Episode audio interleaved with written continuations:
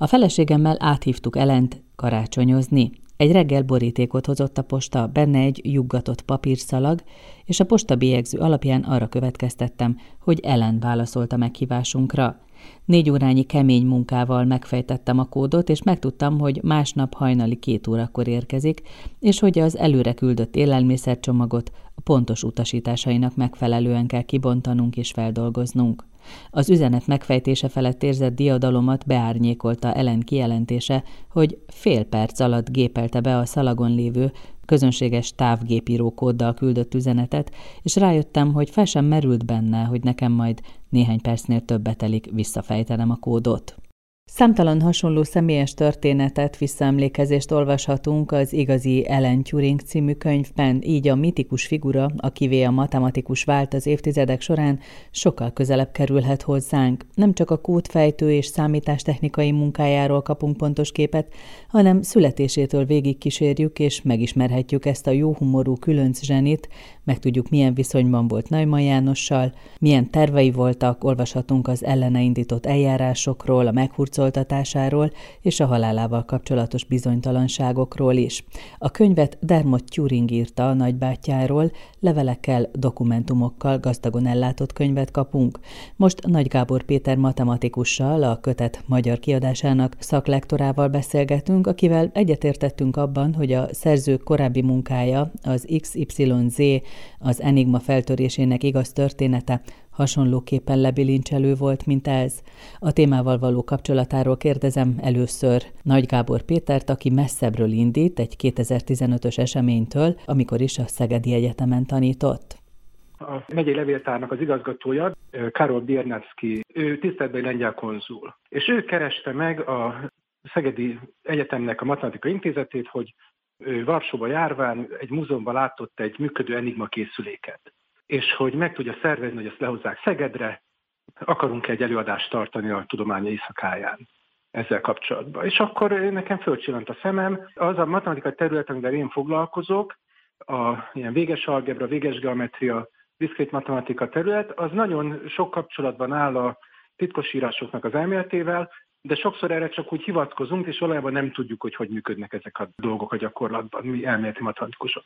Úgyhogy nekem nagyon nagy kedvem volt, és hát a lengyeleket amúgy is imádom, úgyhogy belevágtunk ebbe a kalandba. És akkor kezdtem egy kicsit jobban utána nézni, hogy hogy is, hogy is történt ez az Enigma sztori. Aztán a következő forduló az három évvel később volt, akkor már a műegyetemen volt a főállásom, de összefutottam a Karollal, és hozzuk el még egyszer az enigmát. És mondta, hogy hát ő a lengyel tévében látta, hogy egy Dermo Turing nevű úriember, az Ellen Turingnak az unika öccse, nagyon behatóan foglalkozik a, a Turing örökségnek a gondozásával, könyveket ír, szakértői a témának, és pontosan tudja a lengyel szerepet is ebben az egész sztoriban. Úgyhogy sikerült valami kis pénzt szerezni, és sikerült elhívni Dermot Turingot, a, ennek a könyvnek a szerzőjét, ami könyvről most beszélünk, uh-huh. egy előadásra Budapestre, és ugyanekkor a, a Varsi Múzeumból is idehozták a kollégák a készüléket. Úgyhogy így, így állt össze nekem is a kép, és ez a másik könyv, a, amit ön említett, az XYZ című könyv, ami konkrétan az Enigma föltörésének a sztoriáról szól, az így, így jött be Magyarországra, ez a látogatás motiválta azt, hogy annak a, a Tipotek kiadó meg ö, valósítsa a magyar kiadását. A mostani könyv, amiről beszélünk, az sokkal inkább Ellen Turing személyéről szól, Nyilván azok az évek, amiket a Bletchley Parkban a, a brit hadsereg kódfejtő részlegében töltött, azok is a megfelelő súlyjal szerepelnek a sztoriban, de nem, nem az van most a középpontba állítva. A gyermekkora, családi háttere, iskolái, a 30-as években a szakmai munkája, a szociális háttere, barátai, és hát egészen ugye a 50-es években a, a uh-huh. tragikus haláláig, és a halálának a körülményét is ott a nagyon érzékeny módon körbejárva mutatja be a szerző a könyvben. Úgyhogy én nekem a könyvből igazából a történelmi háttér az, ami többet mondott. Matematikailag, meg a, a kódtörés sztoria, a számítástudománya kapcsolatos sztorik, azok nekem már nagyjából ismertek voltak, de mind a, a gyerekkorával, családi hátterével kapcsolatos ismeretek, és mind pedig a, a halálával kapcsolatos uh, dolgok, uh, azok azért jóval kevésbé ismertek, és csak egy-egy morzsa van így a köztudatban ezzel kapcsolatban. Erről szeretném, ha beszélnénk, tehát a személyes vonatkozására ennek a könyvnek, de azt kérem, hogy helyezzük képbe a hallgatókat, hogy valójában mi is az, amit Ellen Turingnak köszönhetünk. Olyat is hallottam, éppen tegnap valaki mondta, aki tudja, hogy ezzel a könyvvel dolgozom, hogy hogyha úgy kezelik az információkat, amit megszereztek, talán két évvel hamarabb befejeződhetett volna a világháború, a második világháború. Na, ez nagyon gyakran fölvetődik ez a kérdés, nagyon jó kérdés szerintem. Érdemes egy picit akkor elkörül forgolódni. Azért azt tudni kell, hogy az a titkosítási rendszer, amit a német hadsereg a háború alatt használt, amit már a háború előtt elkezdtek használni, az nem egy statikus rendszer volt, tehát azt a német hadsereg folyamatosan fejlesztette. Tehát ez ilyen értelemben ez egy futóvadlövészet volt, egy versenyfutás volt, mert körülbelül fél évente eszközölt a német vezetés fejlesztéseket, és hát a hadseregen belül is a különböző haderőnemek azok egy kicsit eltérő módon használták ezeket a berendezéseket. Tehát itt egy nagyon-nagyon szertágazó feladat volt, ami folyamatosan új és új kihívások elé állította az egész kódtörő közösséget.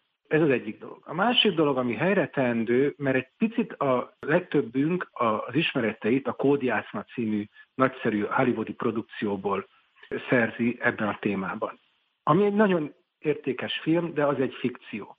A filmben nagyon előtérbe állítva, hogy egy magányos harcosról van szó. Ez nem teljesen igaz, és ezt az Unikovics is mindig hangsúlyozza, aki, aki ugye hát a, ő közvetlenül nem ismerte, de hát a legközvetlenebb családtagjai ismerték a, az Ellen is, hogy nem igaz, hogy egy világtól elzáródó ö, csudabogár lett volna, hanem igaz, hogy egy csodabogár volt, de nagyon erős szociális kontaktokkal, nagyon erős kötődésekkel kollégák felé, ö, barátok felé. Tehát egyrészt ezt a mítoszt egy kicsit szeretném helyre tenni, másrészt azt kell világosan látni, hogy egy óriási feladat volt a náci titkosírásnak a folyamatos föltörése. Ezen több ezer ember dolgozott.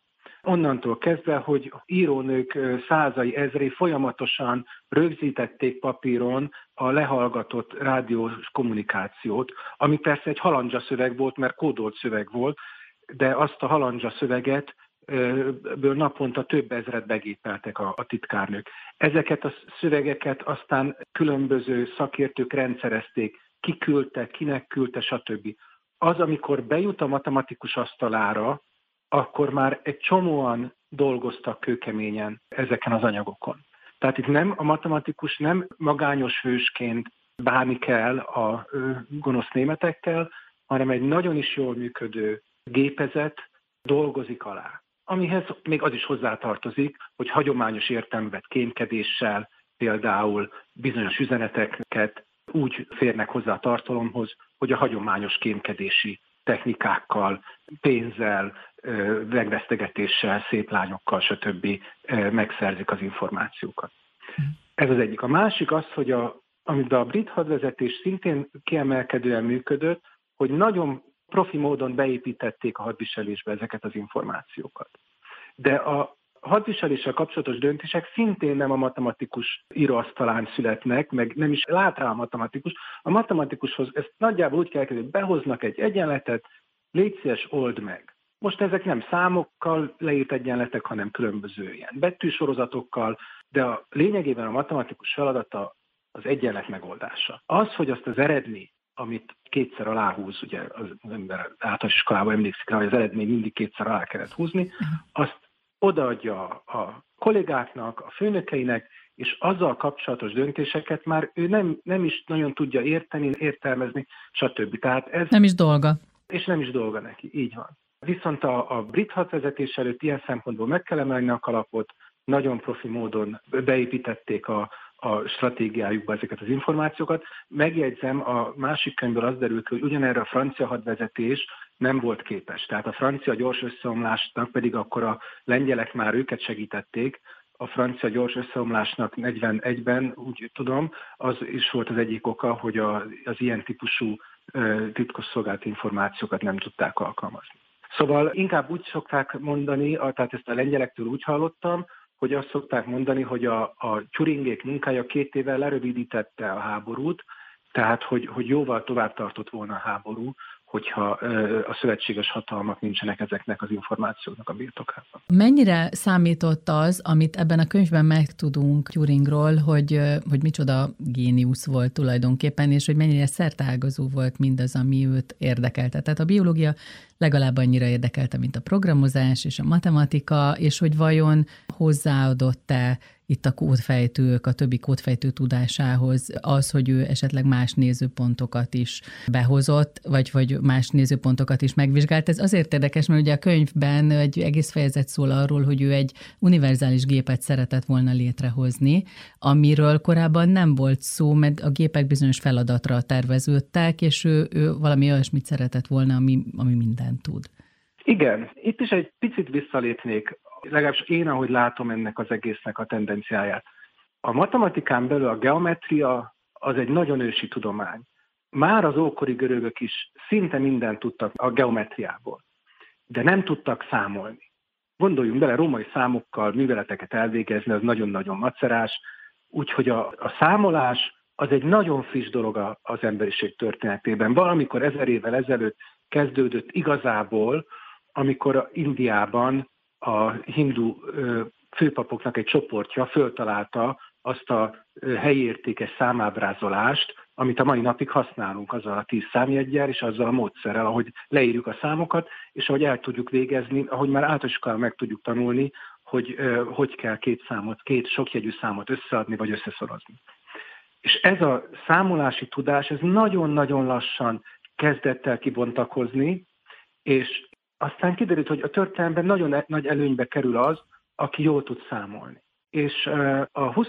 század elejére ott ért el a számolás egy olyan szintre, a számolási igények, hogy elkezdtek különböző gépi eszközöket használni, mert olyan nagy mennyiségű számolást kellett elvégezni az adott feladatokhoz.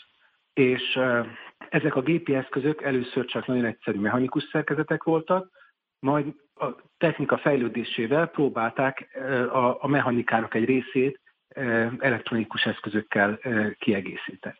Tehát már a lengyel kódfejtők is készítettek mechanikus számológépeket, amikkel gyorsan sok lehetőséget ki lehetett próbálni. A kódfejtésnek nagyon fontos része a próbálkozás, nagyon sok lehetőséget kell próbálgatni. Erre szükség volt olyan gépekre, amiket segítik, már a lengyelek is készítettek ilyet, azok teljesen mechanikusak voltak, és aztán utána a, a britek kezdték el az egésznek a, a profi módon való elektronizálását.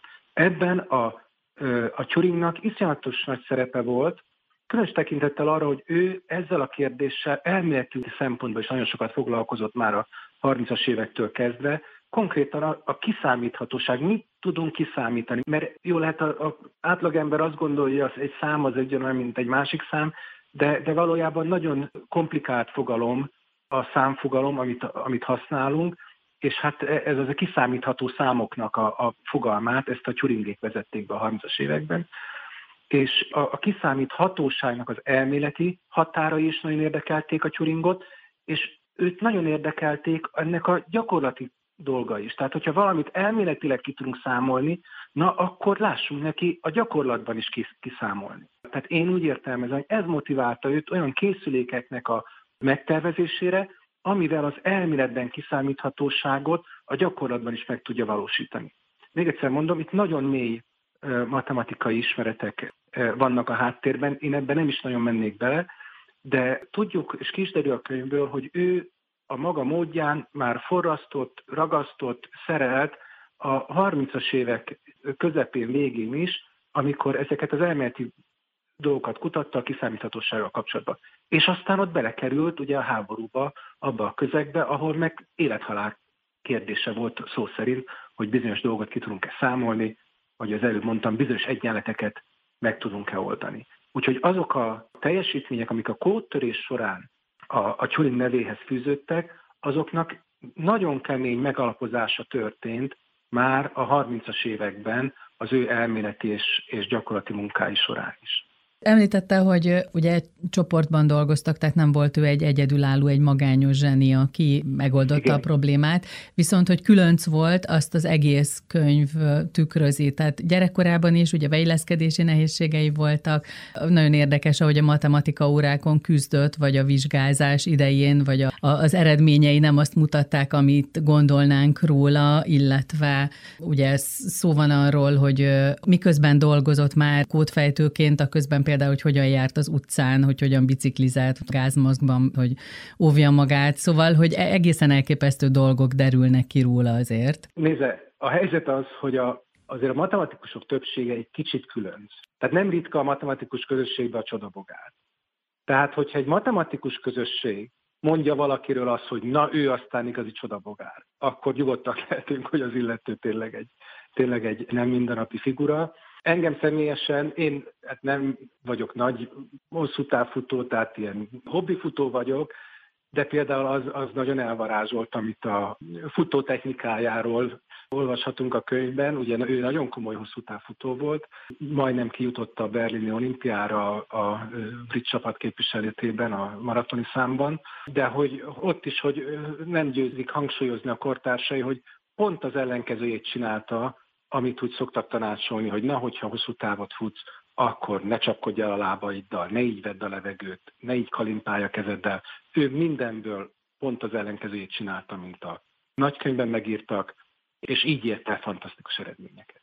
Végül is úgy tűnik, mintha matematika órákon is pont az ellenkezőjét csinálta volna, mint ami a feladat. Így van, biztos vagyok benne, hogy ez, ez minden területen ez az ő védjegye volt, hogy más utakat keresett. Próbáljuk ki máshogy, mint ahogy mindenki más. Jól érzem én a könyvből, hogy a, a halálával kapcsolatban, mint hogyha lebegne az a feltételezés, hogy, hogy nem feltétlenül önkezével vetett véget az életének. Tehát olyan furcsa ez az egész, a halálának a körülményei, ahogyan az öngyilkosság és a baleset körül sok szó esett arról is, ugye akkoriban, amikor ő meghalt, akkor az öngyilkosság az büntetnek volt elkönyvelve, szóval, hogy nekem valahogy olyan érzésem van, mint hogyha fel feltételezhető lenne, hogy őt megölték? Vagy én ezt csak így belemagyarázom? Én a, a, a lebegtetéssel teljesen egyetértek önnel, úgyhogy ezt nagyon örülök, hogy, hogy, hogy ezt így vezette fel ezt a kérdést. De ez, hogy mondjam, egyrészt nem akarom nagyon elspoilerezni, tehát én remélem, hogy a hallgatók azok egyre inkább csak kíváncsiak lesznek erre a könyvre, és maguk is elolvassák, de, de tényleg erről van szó, hogy, hogy ezt a három lehetőséget végtárgyalja, az én olvasatomban a gyilkosság az nem annyira ö, annak a lehetősége, de ahogy ön is mondta, nyitva hagyja a dolgot a, a szerző, és tényleg én szerintem inkább a, a baleset kontra öngyilkosság érveket, ellenérveket tárgyalja, és az a véleményem, hogy, hogy ezt így, tehát nagy a bizodalmam abban, hogy ezt jól csinálja a szerző. Ugye 18-ban találkoztunk személyesen, egy nagyon kedves, nagyon nyílt, igazi brit úriember, Dermot Turing, és biztos vagyok benne, hogy, hogy, hogy ezt a bizonytalanságot, ezt azért vállalja föl, mert ez a helyzet. Nem tudjuk. Mm. Nem tudjuk. Tehát nem, nem is fogjuk soha megtudni, Ciánnal kísérletezett otthon elvileg, ennek a nyomait találták meg, és cián mérgezésben halt meg, csak éppen nem abban a helyiségben. Így van, így van, így van, így van. Mm. Tehát, hogy ahogy az előbb is mondtam, ő egy, az elméletet mindig a gyakorlattal is összekapcsoló kísérletező ember volt, és ehhez kapcsolódó mérgező anyagoknak volt szerepe. Mm. De hát természetesen az, az kétségtelen, hogy az a borzasztó megpróbáltatás, ami nőtt a brit igazságszolgáltatás átvitte a életének utolsó két évében, hogy a homoszexualitással kapcsolatosan, az, az mindenféleképpen egy borzasztó teher volt neki, és, és hát ez egy nagyon nagy nehézség volt. És ez megint olyan nagyon tapintatosan, de nagyon világosan van bemutatva a könyvbe, hogy hogy, hogy alakulhatott az hogy, ki, hogy, hogy a, a korábban jóval toleránsabb, befogadó brit társadalom az 50-es évekre nem független a hidegháborús hisztériától egy ilyen homofób közhangulatba került. Hát azért az agyréma, hogyan terápiásan és gyógyszeresen próbáltak őt heteroszexuálissá alakítani, és, és ugye rengeteg levél van, erről még nem beszéltünk, rengeteg levél van, és dokumentum ebben a könyvben, az ő levelei, a hozzáírott levelek, szóval, hogy, hogy ez a fajta elkeseredettség vagy szorítás azért test közelbe jön a könyvet olvasva. Így van. És ugye hát ezek a levelek, itt nyilvánul meg a szerzőnek a, az előnye, hogy ő azért hazai pályán mozog, tehát ezek a bemutatott dokumentumok, levelek, ezek nagy részt a, a Turing családnak a legbensőségesebb dokumentumai, úgyhogy, úgyhogy ez is egy nagyon, nagyon értékes része, és egy nagyon speciális fényt vett az egész mutatásra. Kell ilyenkor gondolkodnunk azon, hogyha nem terheli mindez és mondjuk 40-es évei közepén nem kell meghalnia, hogy mi lehetett volna, vagy hogyha mondjuk az anyával jobb a kapcsolata, ha nem olyan gyerekkor jut neki, amilyen jutott, hogy, hogy így végül is az anyától elszakítva, és aztán ez a kapcsolat nem volt fényes, levelek is bizonyítják. Szóval, hogyha ha mindez nem így történik, akkor mi mindent köszönhetnénk még neki? Gondolkodik az ember ilyesmin? Az én személyes véleményem az, hogy igenis ilyeneken gondolkodnunk kell mert az egész Turing jelenség az annyi mítosszal van átszőve, és ez egy olyan szép dolog. Természetesen teljesen jogos, hogyha valaki a mítoszok mögé szeretne látni, és ténylegesen megpróbál a mint ahogy ebben a könyvben is ugye be van mutatva, a valóságot valahogy megismerni, megérteni, de mindezekkel együtt az, hogy ő belőle ilyen mítosz válhatott, az is az értékét mutatja annak a, a munkának, meg annak a személyiségnek, aki ő, ő maga volt, Ellen Turing. És ehhez hozzátartozik, hogy nyugodtan részt vehetünk ezekbe a mítoszgyártásokba, szerintem. És például ilyen science fiction szinten, vagy ilyen fantasy szinten belegondolni, hogy mi lett volna, ha. Én ezt teljesen jogosnak tartom a kérdésvetést, és ez a megint csak a matematikus körökben sem túlságosan jól ismert, bár most már az egyre inkább, hogy ő neki a háború után a biomatematikával, tehát ahogy ő is már említette az egyik kérdésében, a biológiának a matematikai megállapozásával kapcsolatban voltak vizsgálatai, kiegészülve számítógépes, akkor már azért egész komoly, de hát nyilván nem a mai eszközökkel összehasonlítható, de nagyon komoly. Számítógépes háttér is azért állt a rendelkezésre, tehát abba a területen indult el, és hát ez a mai napi kulcsfontosságú terület, sőt egyre fontosabb, és én a magam részéről biztos vagyok benne, hogyha ő még ebbe egy-két évtizedet tudott volna kutatni, akkor, akkor már ezen a területen is sokkal erőbb állna az emberiség, mint ahogy most állunk. Hát úgy, hogy az ő korában ugye a genetikai ismeretek nem voltak olyan szinten, mint most, tehát hogy lehet, hogy, hogy ennek az előhírnöke volt ő tulajdonképpen. Pontosan, hát ezek a fogalmak, így van, tehát ez, ezt megint csak tudatosítani kell, hogy visszaokoskodni persze könnyű, de vegyük figyelembe, hogy óriások vállán állunk, tehát hogy az, hogy mi ellátunk egy bizonyos távolságra, azon nagyon sokan dolgoztak, nagyon keményen előttünk, és azt, amit már esetleg a, a helyzet tisztázása után jól látunk, értünk, egy adott probléma megoldva, akkor utána már könnyű az, hogy ja tényleg, de hát azért az, az sokszor ugye egy, egy nagyon rögös út vezet el odáig, hogy, hogy az ember azt mondja, hogy na hát akkor x egyenlő ennyi és annyi, és aláhúzom két vonal akik a történelmi szempontok miatt, vagy a történelmi kíváncsiságuk miatt szeretnék elolvasni ezt a könyvet, azok kapnak-e plusz információkat? Most olyan szempontból kérdezem, hogy a kódfejtők, a titkosszolgálat oldaláról nézve azok a történelmi események, vagy az az időszak, az kap-e más fényt, vagy új vetületet? A kérdésre általában igen a válaszom. De az általában azt értem,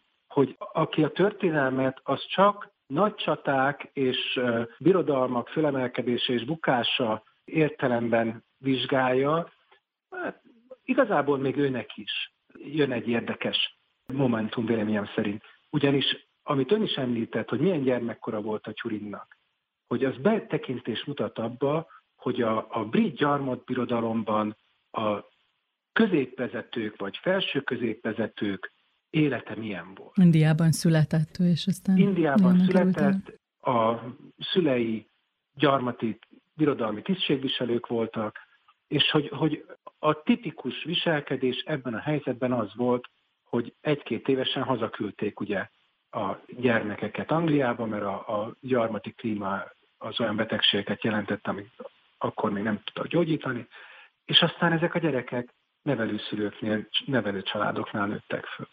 Én, én ezért ebben nagyon beleborzottam, amikor én ezzel szembesültem, hogy, hogy hát hoppá, hát ilyen, ilyen ára is van egy birodalom működtetésének. Az nem, nem fenékig tejfele. Úgyhogy ennyit a birodalmakról. Meg de, hát ahol de... dolgoztak a kódfejtok, például nekem ez nagyon érdekes volt ez az épület, amiről sok szó esik, és amit körül azért volt egy misztikus légkör, de hogy abba is érdekes bepillantanunk. Így van, így van. Tehát az, hogy milyen hangulat volt az angol elit egyetemeken a 30-as években, az, hogy milyen hangulat volt, milyen érzés lehetett bemenni a, a munkahelyére egy, egy háborús kódfejtőnek. Tehát ezek, ezek a, a mindennapi életnek, tehát nem az a fontos, hogy éppen hogy hívják a miniszterelnököt, meg nem tudom én, a gyárak hány repülőgépet gyártanak, hanem az, hogy az emberek mit éreznek akkor, amikor hazamennek, mit éreznek akkor, amikor bemennek a munkahelyükre, levelet kapnak az édesanyjuktól, akikkel évente egyszer találkoznak személyesen. Szóval én szerintem, akit ilyen értelemben érdekel a történelem, az nagyon-nagyon sokat fog kapni ettől a könyvtől. Nagy Gábor Péter matematikussal beszélgettem az Igazi Ellen Turing című könyvről, amelynek szerzője Dermot Turing, a kötet a Tipotex kiadó gondozásában jelent meg.